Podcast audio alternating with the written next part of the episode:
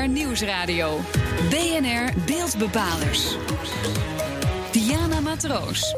Welkom bij BNR Beeldbepalers, het enige radioprogramma waar het beeld centraal staat en waar we complexe communicatievraagstukken oplossen. Met dit keer. What do you talk about? I speak on behalf of cigarettes. My mommy says that cigarettes kill. Now, is your mommy a doctor? No. Well, she doesn't exactly sound like a credible expert now, does she?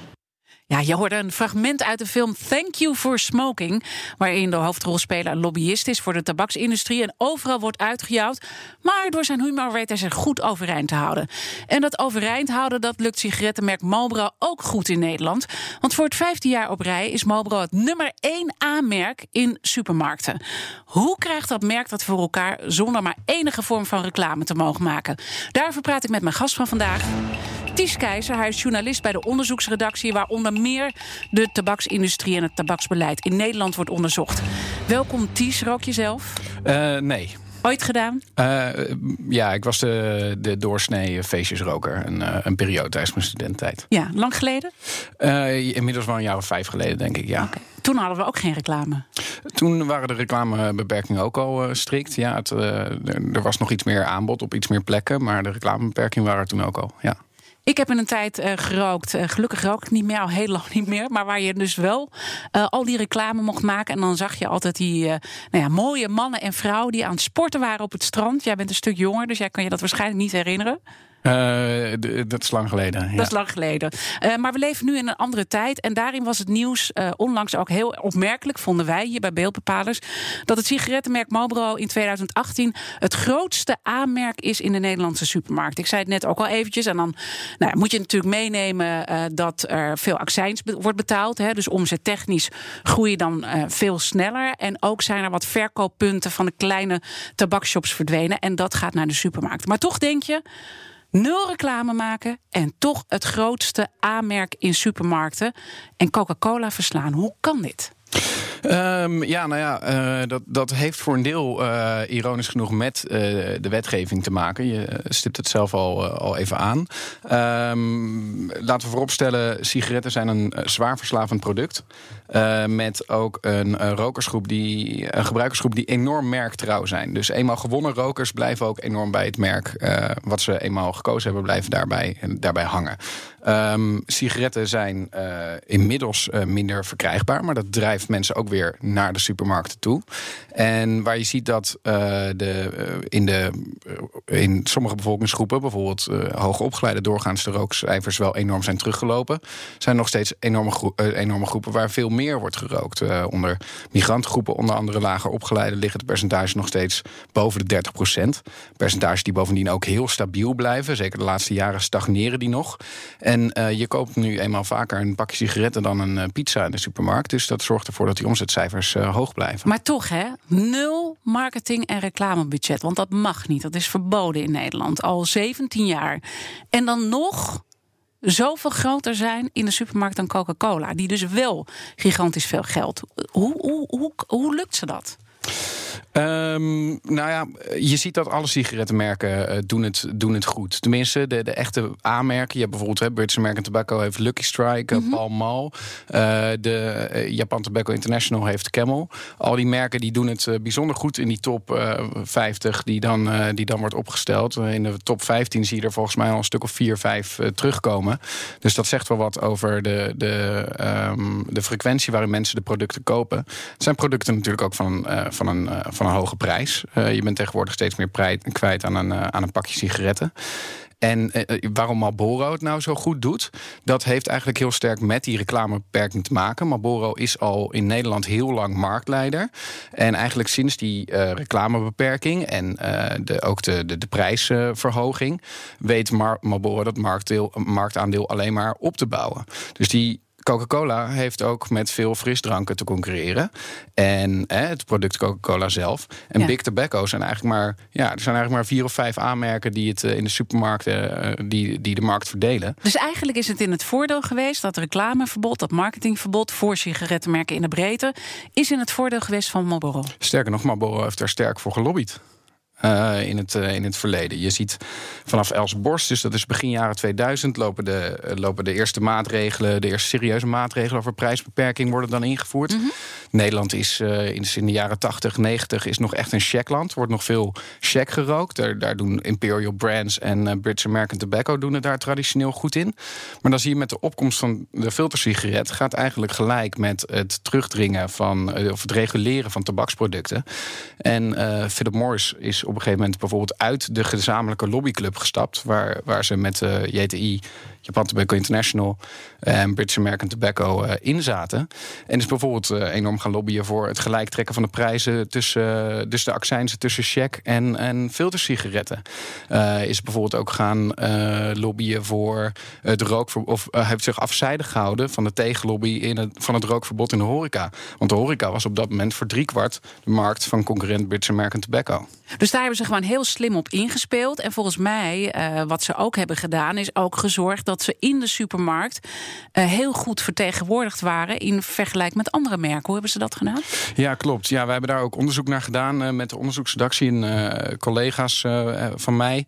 En daar blijken ze met, daar, daar is de Nederlandse Voedsel- en Warenautoriteit ook een onderzoek naar gestart, wat op dit moment nog loopt. dus verkoopbonus te geven aan, aan verkopers van, van sigaretten maar er is ook een enorme strijd ontstaan over de plek in het schap. Dus hoe centraler jij ligt en hoe meer pakjes jij in het schap ligt, um, hoe meer je, wanneer andere reclame niet is toegestaan, hoe meer jij aan klantenbinding kan doen. En dat is natuurlijk voor een marktleider is dat, uh, is dat erg gunstig en ook uh, met een grotere financiële armslag makkelijker om te bereiken. Vandaag kwamen jullie ook met nieuws naar buiten dat tabaksfabrikant British American Tobacco, bekend van merken als Lucky Strike en Palmo, een sponsorverbod heeft overtreden. Wat hebben ze precies fout gedaan? Um, zij waren uh, op festivals waren zij verkoopafspraken aangegaan. Waarbij ze uh, festivalorganisatoren um, daar uh, de afspraak mee maakten dat er op dat festival. En dat varieerde van technofestivals tot ook grote festivals als bijvoorbeeld Pinkpop. Dat daar dan de uitsluitende producten van British American Tobacco beschikbaar waren. Nou, festivalorganisatoren gaven ook aan. Wij krijgen daar geld voor. En dat waren dan bedragen die opliepen tussen de 5 en 50.000 euro. wij hebben daar in 2017 en 2018 over bericht. Uh, 2018 is de NVWA uh, ook een eigen, dus de toezichthouder, een eigen onderzoek gestart. En die hebben nu geconcludeerd, inderdaad, dat soort afspraken. Dus waarbij er uh, wordt betaald voor het uitsluitend verkopen van je eigen product op zo'n evenement. dat, dat is in strijd met de sponsorwetgeving, want dat is de betaling ter promotie van je eigen product.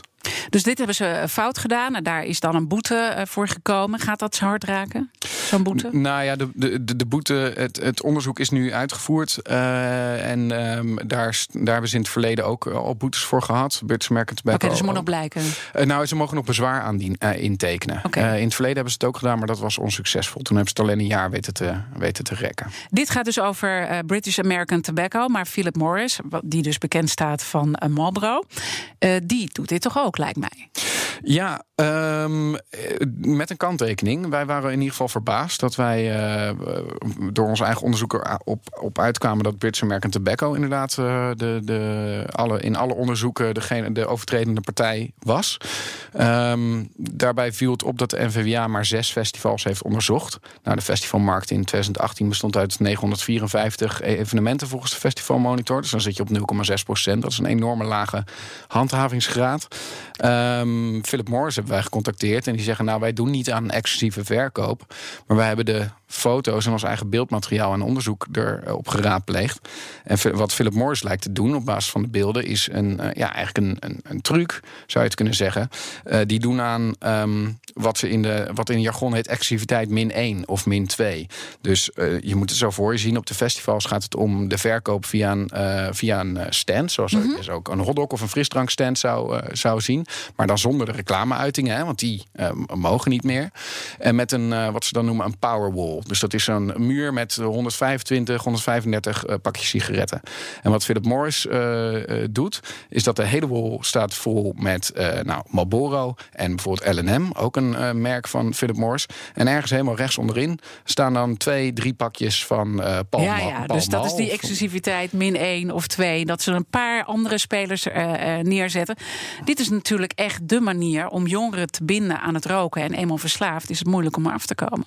Ja, ja, zeker. Het is ook een. eh, dat, dat kwam ook uit een artikel in 2008 eh, kwam dat terug. Dan eh, zegt een, op een gegeven moment een vertegenwoordiger van British American Tobacco zegt ook ja, de horeca en de dat is waar wij nu moeten staan. Want eh, jongeren zijn, eh, zijn gevoelig voor peer pressure. eh, gaan, dus, gaan dus roken. En, ehm, en ja, eenmaal een gewonnen roker is erg merkvast. Dus ze zijn eigenlijk veel slimmer geworden qua reclame en marketing. Want de echte nou ja, zichtbare reclame, die mag dus niet meer. Nee. Maar eigenlijk zeg je, nou, Philip Morris heeft dat gewoon heel strategisch handig aangepakt. En doen nu hun voordeel ermee dat de anderen geen reclame mogen maken. Dus dat is al een win.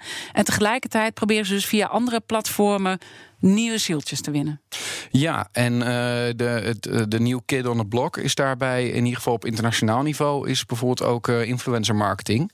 Ehm, er is in 2018 een onderzoek naar buiten gekomen van de Tobacco Free Kids campaign. Dat is ja, je zou het kunnen vergelijken met de Nederlandse Alliantie Rookvrij.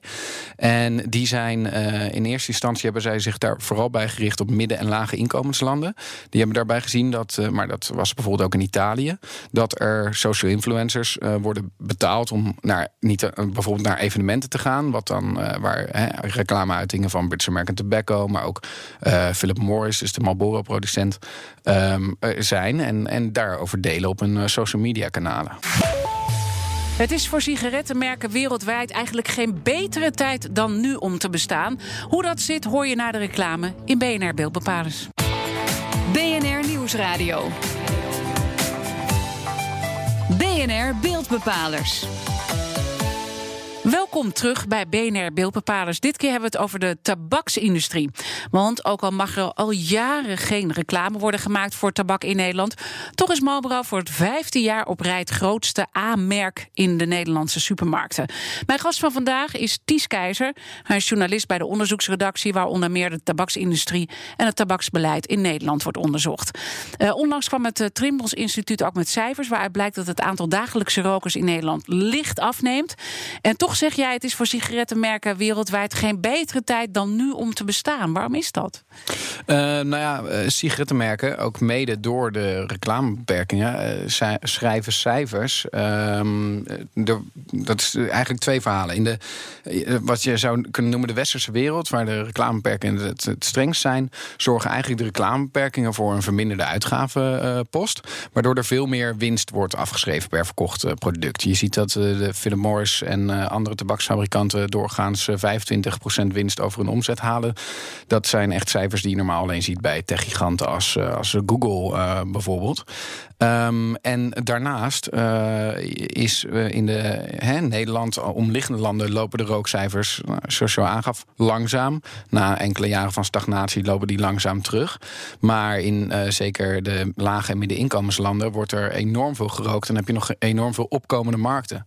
Uh, waar, waar het Big Tobacco graag faciliteert. En waar dus al die regels niet zijn die wij hier wel hebben. Dus bijvoorbeeld geen reclame mogen maken. En waar de regels inderdaad veel minder zijn. Ja, ja. ja. Dus, dus je hebt aan één kant hier dan het speelveld... Uh, waar ze dus uh, nou ja, geen reclamebudgetten hoeven uit te geven. En eigenlijk heeft Marlboro als een marktleiderpositie weten te verwerven jaren geleden. Je hebt al een aantal slimme strategieën ook aangegeven... die ze hebben gebruikt om dat te behouden. En ik denk ook dat mensen ook merkvast zijn.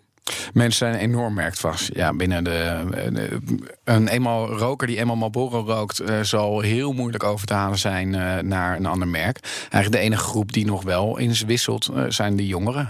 dus vandaar ook de, de aanwezigheid van. De tabaksfabrikanten op evenementen als festivals. Maar bijvoorbeeld ook Japan Tobacco International... die vorig jaar een negenvoudige boete kreeg... vanwege het uh, sponsoren van een sigarettenautomaat op studentenverenigingen. En dus ook de social media beïnvloeding die je net aangaf. En inderdaad, en dat is uh, tot nu toe een onderzoek wat voornamelijk is, uh, zich focust op tweede en derde wereldlanden. Uh, maar ook in Italië. social media influencers die, die hun kanalen inzetten om naar hun jongere volgers. Dat is ook met social media is dat erg lastig hè, om te weten wie mm -hmm. jou precies volgt. Um, je hoeft geen 18 plus te zijn om Instagram te gebruiken. Um, om daar inderdaad die, die volgers ja, te enthousiasmeren over het merk. In Ja. ieder geval eh, ja, eh, rokend en dan wel met, eh, met pakjes in, op foto's verschenen. Wat ik ook heel fascinerend vind, als we het even houden op Nederland. We hebben natuurlijk ook die pakjes waar die vreselijke beelden op staan. Van kinderen die met afwijkingen worden geboren. Longkankerfoto's waarvan je echt denkt, afschuwelijk om naar te kijken. Dat helpt dus niet om te zorgen dat mensen minder gaan roken. Ja, het aantal dagelijkse rokers is licht afgenomen. Maar het totaalvolume is hetzelfde gebleven, toch? Ehm, ja, het is, het is lastig te zeggen eh, soms in hoeverre maatregelen, maatregelen, individuele maatregelen helpen. Dat is eigenlijk het be- belangrijkste. Ehm, maatregelen werken het best in, in synergie. Eh, de, de, de zwaarste en de meest effectieve maatregel die een overheid kan inzetten, is het verhogen van accijns. Een accijnsverhoging van 10%. Ehm, de cijfers voor Nederland duiden op dat dat ongeveer 4% minder rokers eh, oplevert. Nou, de accijnzen gaan nu met het Nationaal Preventieakkoord ook, ook weer omhoog. Ehm, en eh, het inderdaad, het, het kijken naar individuele maatregelen. Er zijn bijna geen casussen van landen die alleen één maatregel hebben ingenomen en dan een paar jaar kijken hoe die maatregel, wat voor een effect dat, eh, dat, Ja. dat in resulteert. Dus het, het individuele effect van dingen als de gezondheidswaarschuwingen is soms moeilijk meetbaar. Eh, je, geeft eigenlijk aan, nu is het voor een sigarettenmerk eigenlijk een hele goede tijd. Terwijl als je er anders naar kijkt, dan denk je met al, alles wat we nu weten over de gezondheidsrisico's. En ook eh, de campagnes die anti zijn, eh, zou je denken het is helemaal niet zo'n goede tijd. Je hebt al een aantal punten ook uitgelegd hoe dat komt, dat dat nu een goede tijd is. Is het ook niet zo dat dit nu een hele mooie tijd is voor hen om in Nederland en andere landen waar verboden zijn, lekker te gaan experimenteren met de markt als het gaat om die e-sigaret? Ja, ja Nederland is eh, samen met ook andere landen, omliggende landen als Engeland bijvoorbeeld, is wel echt een, eh, een, eh, proeftuin voor de, voor de tabaksindustrie. En dan kom je al heel snel aan bij inderdaad de alternatieve producten. Ehm, dus de, de elektronische sigaretten, die, die nu in de westerse landen in opkomst zijn. En in dat kader, ja, Marlboro heeft bijvoorbeeld ook de uitspraak gedaan, het voornemen gedaan, een nieuwjaarsresolutie aan het begin van het jaar om te willen stoppen met roken. Waarmee ze dan bedoelen, wij gaan stoppen met de traditionele sigaret. Die gaan wij uitfaseren. Ze hebben daar trouwens nog weinig concrete maatregelen aan verbonden.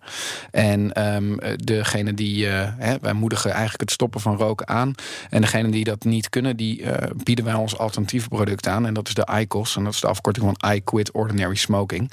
Nou, dat is dus een, een, een heat not burn product waarbij de tabak wordt eh, verhit en, eh, en niet, wordt, niet wordt verbrand. Dus dat is inderdaad een, eh, een experimenteel product waar de tabaksindustrie zichzelf relevant mee probeert te houden. Waarvan we nog niet precies weten hoe schadelijk kan dat nou zijn op de lange termijn. Dat weten we nog niet. Maar ik kan me ook voorstellen dat zij in hun marketingverhaal juist zullen zeggen: dit is een stuk gezonder.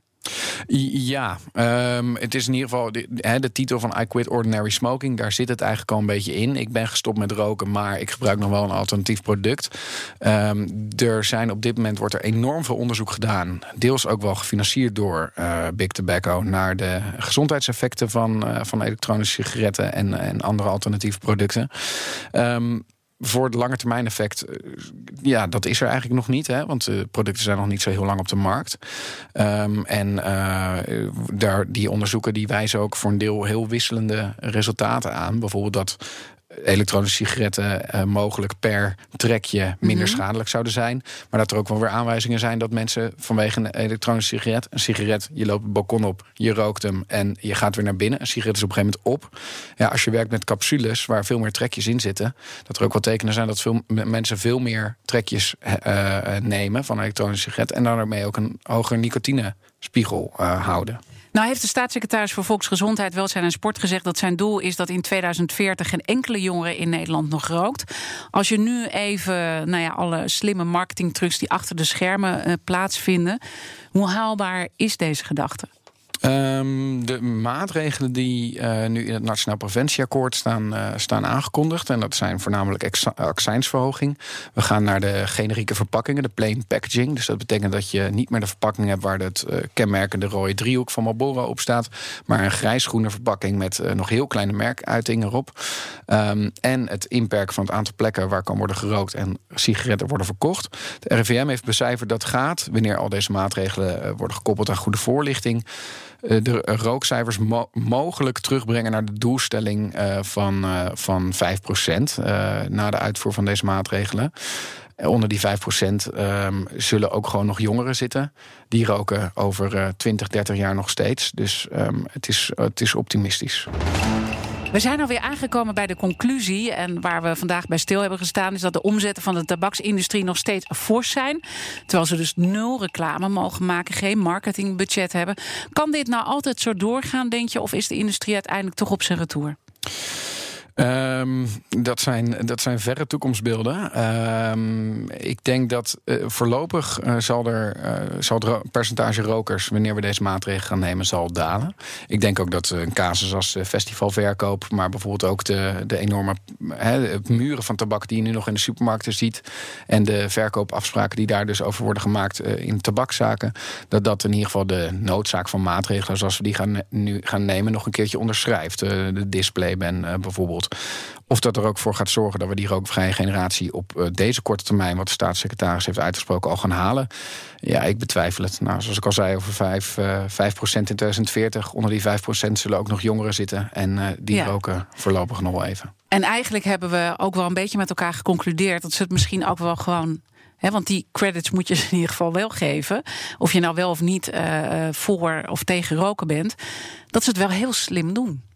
Het is, uh, het is eigenlijk het gevolg van een industrie waarvan het uh, vroegst uh, bekend was van de consumentenproducten hoe schadelijk het was. En als je dan door regulering onder druk wordt gezet, dan, dan word je ook het eerste creatief. Ja. Ja, dus het zijn eigenlijk hele slimme marketingmensen. Want de beeldbepalers gaat over marketing, media, reclame en communicatie. En dat doen ze dus waanzinnig goed. De, er wordt niet voor niets door andere consumentenproducten als, als Coca-Cola regelmatig een pagina uit het handboek van Big Tobacco gescheurd. Het zijn qua marketing ja, ja, slim. Het is jammer dat ze het voor het doel van zo'n schadelijk product. En als we dan even naar de consument gaan, voor welke beïnvloeding moeten we dan waakzaam zijn? Um, nou, de, de beïnvloeding vanuit de, vanuit de industrie, dat zie je bijvoorbeeld ook bij de uh, social media. Uh, het, het, wordt erg gevoerd op uh, eigen keuze. Mm -hmm. Je ziet bijvoorbeeld uit Don't be a maybe, be Marlboro. Of I decide is ook zo'n slogan. Um, dat, dat is iets om, om hè, bij een verslavend product is iets om waakzaam over te zijn. Ga daar niet te veel in mee. Um, en daarbij bij de nieuwe producten. dus die elektronische sigaret? De elektronische sigaretten, de ICOS loopt niet te snel mee in uh, onderzoeken, zeker niet individuele onderzoeken die erop wijzen dat dat nou echt uh, gezonder zou zijn. De beeldbepaler van de week. Tijd voor de beeldbepaler van de week. En uh, redacteur Merlief van Haarlem is zoals altijd bij ons aangeschoven. Vertel, wie is het dit keer geworden? Nou, als we het over merken hebben, de beeldbepaler van de week is Beyoncé. Want de zangeres is natuurlijk al een wereldster en nu is ze ook een ster op Netflix.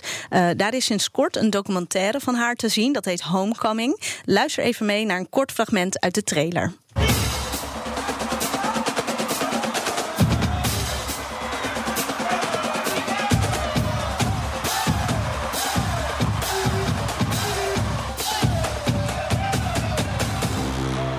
Nou, dit triggert natuurlijk wel om te kijken. Uh, Homecoming, dat is een ode aan het optreden van Beyoncé uh, tijdens het festival Coachella in 2018. Uh, ze schreef geschiedenis door daar de eerste vrouwelijke zwarte headliner ooit te zijn. Um, het Amerikaanse entertainment tijdschrift Variety die, schrijft nu dat Beyoncé alweer een deal heeft gesloten om nog twee afleveringen te maken bij Netflix. En daarmee harkt ze in totaal zo'n 60 miljoen dollar binnen. wanneer dat is en uh, wanneer die afleveringen te zien zijn en waar het dan precies over gaat. Nou ja, dat wordt later bekend. Maar het is natuurlijk al een goede tease weer van, uh, van Netflix. Ja, het is dus marketingtechnisch weer heel goed gedaan. Ik heb heel veel zin om er naar te kijken. Jij? Ik ook. Ja, ja. goed. Uh, dankjewel, Madelief van Haarlem. En natuurlijk ook dank aan onze gast van vandaag, Ties Keizer. Journalist bij de onderzoeksredactie, waar onder meer de tabaksindustrie en tabaksbeleid in Nederland wordt onderzocht.